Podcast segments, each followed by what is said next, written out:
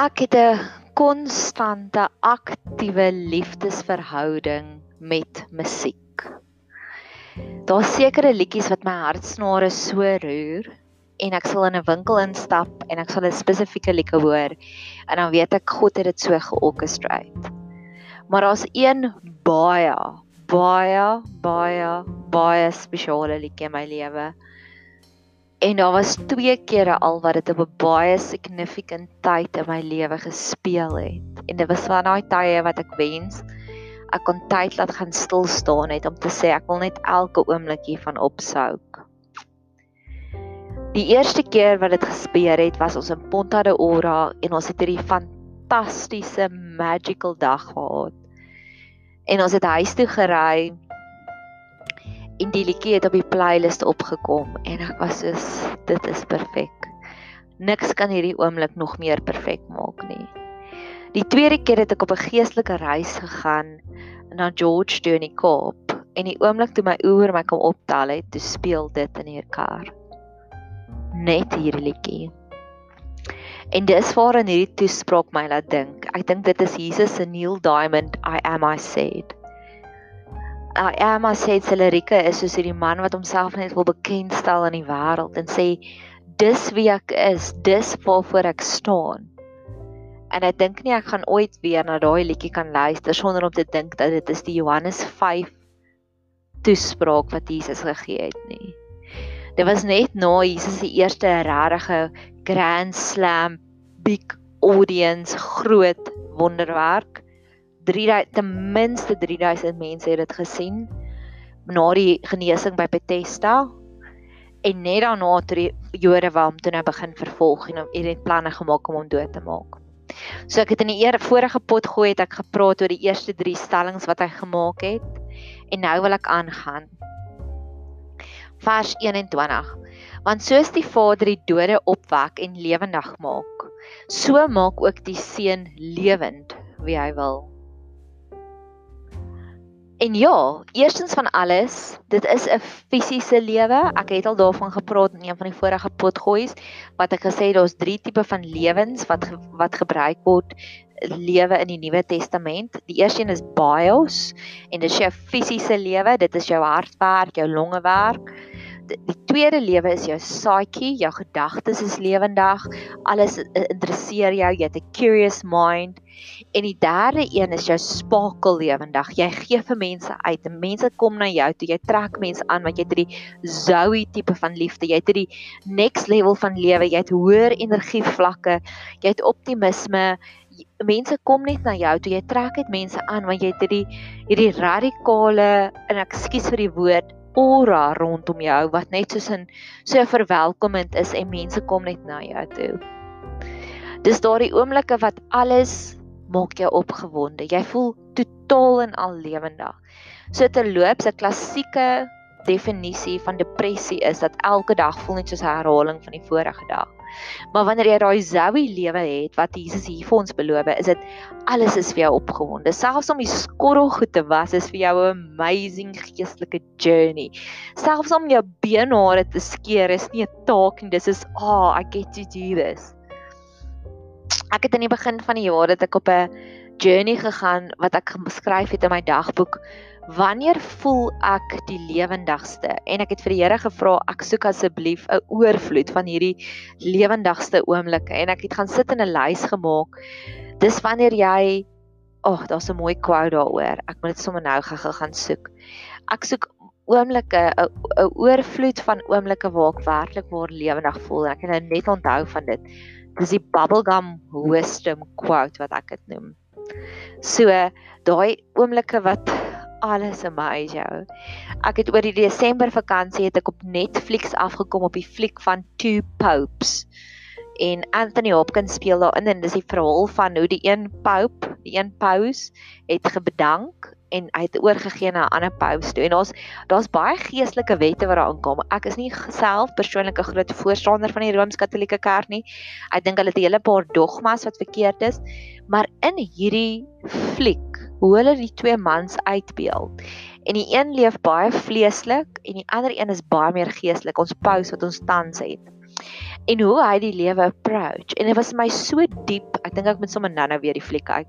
Dat ek daai fliek wat 'n 2 ure fliek was, het ek in 4 en 'n half ure gekyk, want die hele tyd dan dan sê hulle iets so diep en dan pause ek dit en dan sê ek soos ag oh, nee, ek gaan nou eers kos maak of ek gaan nou eers dit doen want ek wil net hê daai oomblik moet insouk. En dis ook nog 'n oomblik van super lewendigheid. Die volgende een is nou die quote en hy het uiteindelik oorgemaak. Hoor hoe mooi is dit. En dis 'n Superman quote, net kom uit die 1978 film van Superman uit. Some people can read War and Peace and come away thinking it's a simple adventure stories. Others can read the ingredients on a chewing gum wrapper and unlock the secrets of the universe. Hey, so baie mense lees hierdie verskillike intense en diepte inspirerende goeders en hulle dink okay, dis okay.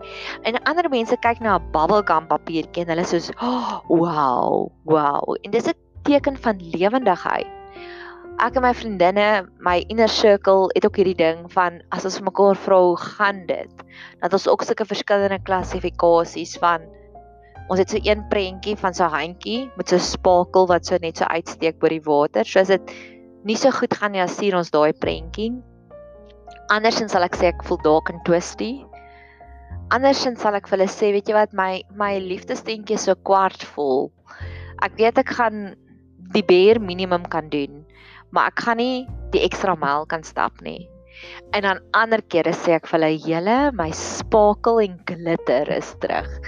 En dit is wanneer ek regtig vir die lewendigste voel.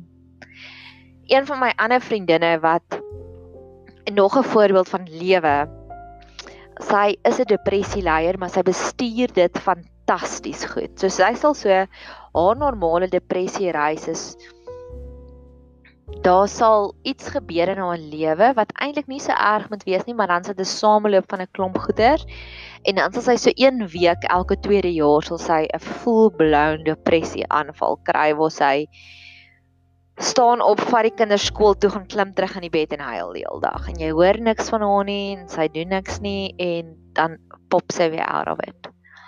En ja, sy sy het regtig vir 'n baie intense intieme verhouding met die Here. En ehm um, en dan vertel sy vir my dan gebeur die coolste ding ooit. Op 'n stadium dan she snaps out of it want natuurlik gaan daar baie gebed daar in daai tye en dan sê sy vir my dan voel ek soos 'n bipolêre persoon nie dat ek ek dink jy sy is nie. Dan sê sy vir my, is dit eker vir my die voice note gestuur en sy sê van dan begin ek te kook en dan het ek die kookboek hier oop en dan is ek besig om 'n fliek te kyk op my laptop en ek is besig om hierdie dinge te um, hierdie blommerangskik te herorganiseer. Aan die ander kant is ek besig om 'n knoop aan te werk. Sy sê my familie sit net so vir my want ek hardloop so oral rond. En gewoonlik is dit dan net na so ag nooit net na so depressie aanval wat sy hierdie influx van energie het en sy opereer oral. En daar kom ook al tye in my lewe wat ek ook so voel, die idees kom net kom net kom net kom net. En 'n ander tye wat dit net daar is nie eintlik idees nie. Of die laaste voorbeeld wat ek het van lewe en hierdie hoofstuk gaan baie intens oor lewe. Daar's baie verwysings na lewe. So dis hoekom ek nou regtig wil inzoom oor die tipe van lewendmakend wat hier beloof is. Paulo Coelho is 'n Brasiliaanse skrywer, geestelike skrywer. En ons van sy boeke wat ek myself forceer om absoluut stadig te lees want ek wil nie hê daai oomblik moet verbygaan nie. Daar's van sy boeke wat my so diep aanraak wat ek soos letterlik elke sinnetjie twee keer deurlees net om seker te maak hierdie boek hou super lank. En dis daai oomblikke. Ek glo dis daai oomblikke van wowness en dis daai tipe van lewe wat God vir ons wil gee. So, nou dat ons na, kom ons kyk gou-gou lyk like ons tyd na 10 minute een versie verduidelik het. Kom ons gaan aan. Vers 22. Want die Vader oordeel ook niemand nie, maar hy het die hele oordeel aan die Seun gegee. Nou dis interessant. Jesus begin hierdie speech omdat die Jode hom oordeel. En dan gaan hy terug en dan sê hy vir hulle: "Julle, maar dis eintlik my geestelike oordeel wat ek oor julle het." So hy hy gee hulle eintlik so ligte, subtiele waarskuwing om te sê: "Don't touch me." Jy weet nie wat jy gaan doen as jy aan my gaan raak nie, nê? So dis baie interessant. God het die hele judgment, die hele oordeel aan die seun gegee en 'n groot gedeelte van hierdie hoofstuk gaan ook oor we only human after all. Jesus het die fully human, die volle menslikheid ervaar. So obviously gaan hy soveel meer genade hê met ons situasie. Daar's 'n quote en ek glo daarin wat hulle sê jy kan net iemand oordeel terwyl jy nog nie verstaan nie. Die oomblik wat jy verstaan, gaan jy empatie en jy gaan nie oordeel hê nie. En die Here het hierdie konsep vir my met 'n radikaal, ek het al in my vorige podcast gebruik, gepraat van Gorilla Theater waar God vir jou jy gaan deur iets en dan weet jy o, okay, dit was my lesie. So God spesialiseer in gorilla theater. Dis daai aktiewe uh, teater. So wat met my gebeur het, ek was in my vroeë 20's en toe kom een van my vriendinne wat ek geglo het op daai stadium en waarskynlik nog steeds is. Sy was een van die sterkste mense wat ek nog ooit geken het. Sy was sterk. Ons was op skool saam, so sy was altyd die leier leierskapsposisies gekry, maar sy was ook daai natuurlike leier. As sy gesê het, "Kom ons gaan ons was stout ook. Kom ons gaan gooi eiers teen die mense se garages want dis vir ons groot geword in die platteland. Ons kon nog sulke goed doen. Of kom ons gaan speel tok tok het almal aan net gevolg. En as sy sê ek dink ons moet eerder dinge so doen en sy het baie keer of gereeld ons op die regte pad ook gelei. Dat doen ons almal dit so. So sy was een van die sterkste mense. Niemand het haar gedomeineer nie. Sy sy het sy was die leier in ons en sy het 'n pragtige mooi persoonlikheid gehad. En ek het baie opgekyk na haar. Nou was bestaan wat ons nog saam besigheid doen gedoen het. En ek kan onthou, ons was twee event managers en ek en dan jy verskriklik baie verskaffers met wie jy werk. So jy juggle letterlik 30 balle op een slag in die lug. En jy moet 'n sekere tipe van 'n sterk tyd hê, 'n sterk persoonlikheid hê om hulle almal op hulle plek te hou en ons was bitter jonk. Ons was baie jonk, so almal met wie ons oor gewerk het, was meer as dubbel ons ouderdom. So hulle ons moes nogal sterk staan dat hulle ons met ernstig opvat. En ek kan onthou sy het eendag het sy met 'n verskaffer gepraat en dit trap sy hulle uit met goeie redes en sy sê vir my, sy sê vir hulle, ek is nie Nadia nie ek kan nie hierdie nonsens vat nie. Ek het uitgebars van die lag want ek besef ek dit is die waarheid hè. Sy het keer op keer my battles my gefight en um ja, en toe kom sy na my toe eendag en ons was nog regtig jonk en sy sê vir my my Karel is abusive teenoor my. My Karel slaan my. En um en ek het daar gekyk en ek het gedink, hoe stupid is jy? Regtig, hoe kan jy toelaat dat 'n man jou so behandel en jy is nie eens getroud nie? En ons het kinders nie, so geen, jy het geen verskoning om daar te bly nie. Kom, trek uit. En ek het wel sê ek wil los hom. Nee, ek kan nie ek's lief vir hom. En ek gedink, "O, oh, jy's nog stupider as ek gedink het." En jare later het ek myself bevind presies in haar selfde skoene. Ook nie getroud nie. Ook in 'n abusive verhouding En dis was daar waar daai deernis teer gekom het. En dit was my gorilla theater. Nooit weer judge ek iemand saggies nie. Maar in elk geval, Jesus het die volle menslikheid gehad. So hy weet hoe dit voel om moeg te voel. Hy weet wat se versoekings is daar. As jy moeg is, as jy moeg is, weet jy jy moet eintlik bid daaroor en jy weet is eintlik nou net die duiwel wat jou aanval, maar jy's so vasgevang daarin, jy doen dit nie. So God het vir hom gesê, weet jy wat? Jy die full human experience gehad. So ek gee vir jou daardie verantwoordelikheid om hulle te judge. Jesus weet want in die Samaritaanse vrou het ons gesien hoe snaakie is sy, hoe bitsig is sy, hoe katterig is sy met hom en hy het geweet net hoe om sy cool en kalm te hou. So Jesus weet die volgende keer wanneer iemand bitsig en katterig is met jou en jy latch uit en hulle gaan hy meer empatie hê want hy was self daar.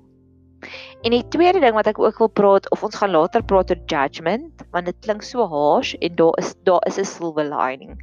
So asseblief bly net saam met my. Ag, oh, en dan die volgende een. Nou moet julle verstaan hè, kan kan ons uit bid vir Jesus se waagmoed. Hoe bold is hy hè? Ja, ek love hierdie volgende versie, vers 23. So setting the scene, name Jesus het hierdie groep fariseërs en hy kan hulle gedagtes lees en hy kan sien presies hoe beplan hulle elkeen aan sy dood. Hoe beplan hierdie een, o, ek gaan hierdie sluipmoordenaar kry. Hy beplan daai, hy sien daai een beplan hy hulle gaan hom oorgee aan die Romeinse ryk en hulle gaan hom so lank martel. So hy sien al hierdie goed en hy sien Jy weet soos in die ou tyd se comics, ek het dit so gelief. Dalk moet ons meer comics kyk so Tom and Jerry. As die as hulle daar kwaad is, nê, nee, as die katjie daar kwaad geraak het vir die muis dan word hy sommer heeltemal so rooi en die rook kom so daar uit by hulle ore. So Jesus sien hierdie tipe van komieklike prentjie van hierdie hele groep fariseërs wat voor hom staan en en in 'n comic manier, hulle gesigte is rooi en die rook kom uit want hoe durf hy? Hoe durf hy sê die seun is hy is die ja, God is sy vader. Hoe durf hy iemand gesond maak op 'n Sabbatsdag? Nou imagine wanneer laas was jy in so iemand se teenwoordigheid wat sulke verskriklike intense woede gehad het. En plus jy kan nog sien hoe beplan hulle jou straf en hierdie is nie 'n maklike straf nie. Die Romeine het gespesialiseerde maniere hoe mense te martel, hoe mense te torture. Soos wat die Duitsers vandag spesialiseer in in ek sal nie sê konsentrasiekampe nie, ek wil sê motors. 'n Motors. So het hulle gespesialiseer die Romeine in martelingsprosedure. en Jesus antwoord vir hulle met hierdie volle sien sodat almal die seun kan eer net soos hulle die Vader eer. Wie die seun nie eer nie, eer die Vader nie wat hom nie gestuur het nie. So wat hy met ander woorde daar sê met hierdie hele toneel, sê hy actually moet julle my prys. Actually moet julle vir my komplimente gee. Actually moet julle net vir my vertel hoe oulik is ek. Want dis wat eer beteken. Eer beteken om prys te gee aan iemand. Instead of backing down, hey. Daar's hierdie ander stukkie ek dink dis in Matteus waar die mense op klippe opgetel het reg om vir Jesus um te steenig. En dit het 'n tipe van 'n trance oor hulle uitgestuur glo ek, want die volgende oomblik toe sê hy net hy loop net, dalk is nog een Johannes. Toe loop hy maar net so deur die crowd en toe hulle en toe hulle weer besef te besef hulle is weg.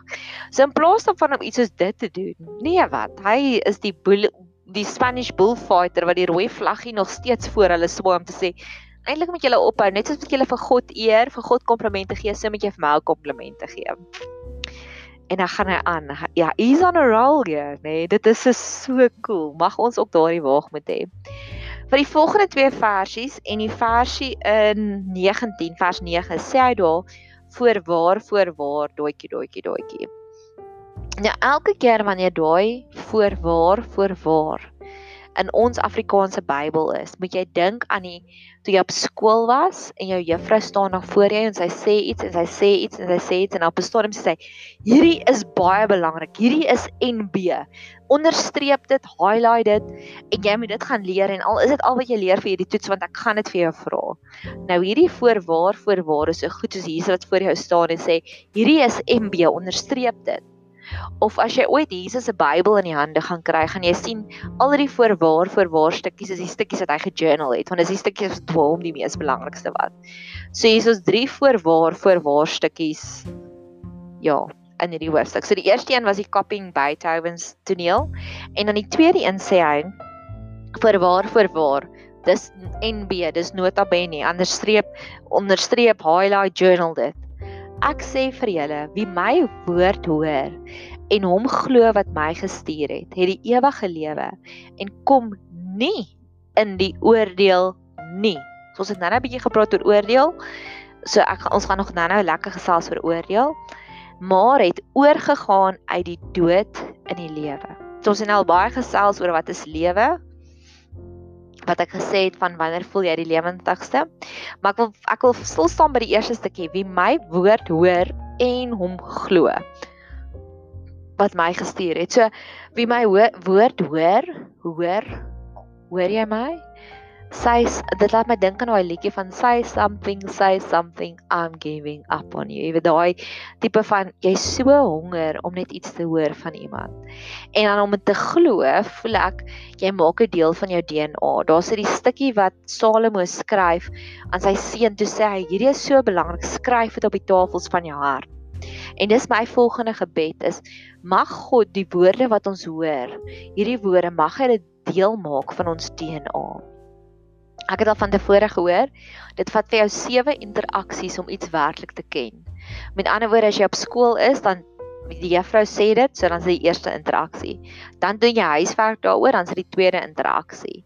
Dan leer jy dit voor eksamen, derde interaksie. Dan gee dit weer deur, vierde eksamen. Wag, gee dit deur in eksamen, vierde interaksie. En so sê hulle dit vat sewe interaksies vir jou om iets regtig waar vaste messel in jou gedagtes. So mag die Here ons help dat ons al hierdie goeders vasmaak in ons gedagtes. Daar's sekere dinge wat ons geleer het wat net by ons bly. So mag die Here asseblief maak dat hierdie dinge werklik by ons bly.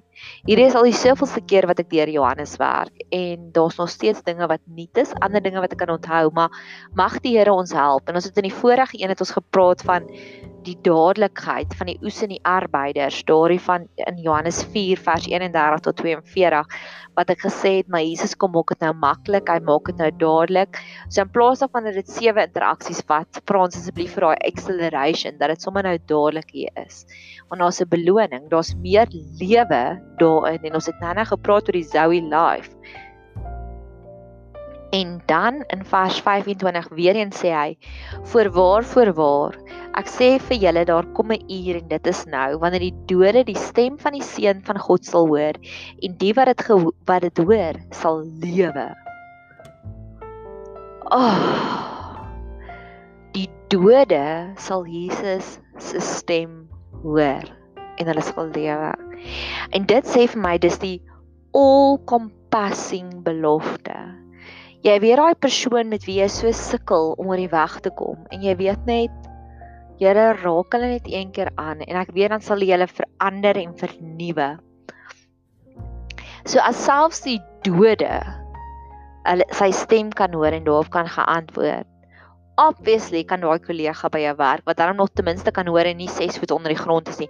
Obviously kan hy vir hulle lewe ook gee. So daardie belofte inspireer my net om nog vir soveel meer mense te dink en dan hulle vir hulle te bid om vir hulle te sê Here asseblief praat net een keer met hulle. Selfs die mense in die graf en ons gaan net daaroor ook gesels. Ek het gou gekyk hoe lyk ons tyd. Ek dink ek gaan eers hier afsluit. Ek wil nie die res van dit aframel nie. So net om saam te vat in hierdie in hierdie pot gooi het ons gepraat oor lewe. Hoe voel dit die lewe wat Jesus vir ons wil aanbied as die Zoe life? Dis wanneer jy die lewendigste voel, wanneer jy geïnspireerd voel, wanneer alles mooi is, wanneer alles lekker is, wanneer jy net voel, ag, ek kan Kilimanjaro twee keer op en af klim. Die tweede een is die judgment, het God aan die seun gegee want Jesus is deur alles. Hy was fully human. Hy het verstaan ons, hy het empatie met ons.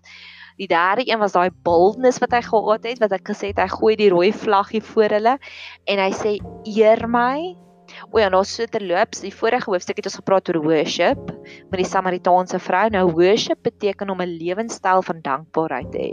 So jy's in volle dankbaarheid en volle surrender mode oor alles in jou lewe.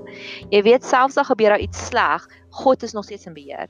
En eer is om net te loop en met God te praat, die altyd van hy's goed, om van hom te getuig, om te sê wat het hy gedoen voor waar voor waar het ons gesê het ek oorgesels en toe sê ek dit is wat soos wat jou juffrou gesê het hierdie is belangrik onderstreep dat jy moet dit leer. As jy sien voor waar voor waar en daar's ander kere waar Jesus net een keer voor waar sê so dis net en dis nie NB nie so dis ook belangrik maar nie so belangrik soos hierdie stellings nie hierdie drie stellings wat hy hier gesê het. En dit ons gesels om dit te hoor en dit te glo beteken om 'n deel te maak van jou DNA en dit ons afgesluit wat hy sê selfs die mense in die grafte sal my stem hoor en hulle sal lewe. En dis vir my die als insluitende belofte van Jesus kan enige iemand met hulle gesels en hulle kan na hom toe draai. Niks is vir hom onmoontlik nie. Mag jy 'n super geseënde dag hê verder.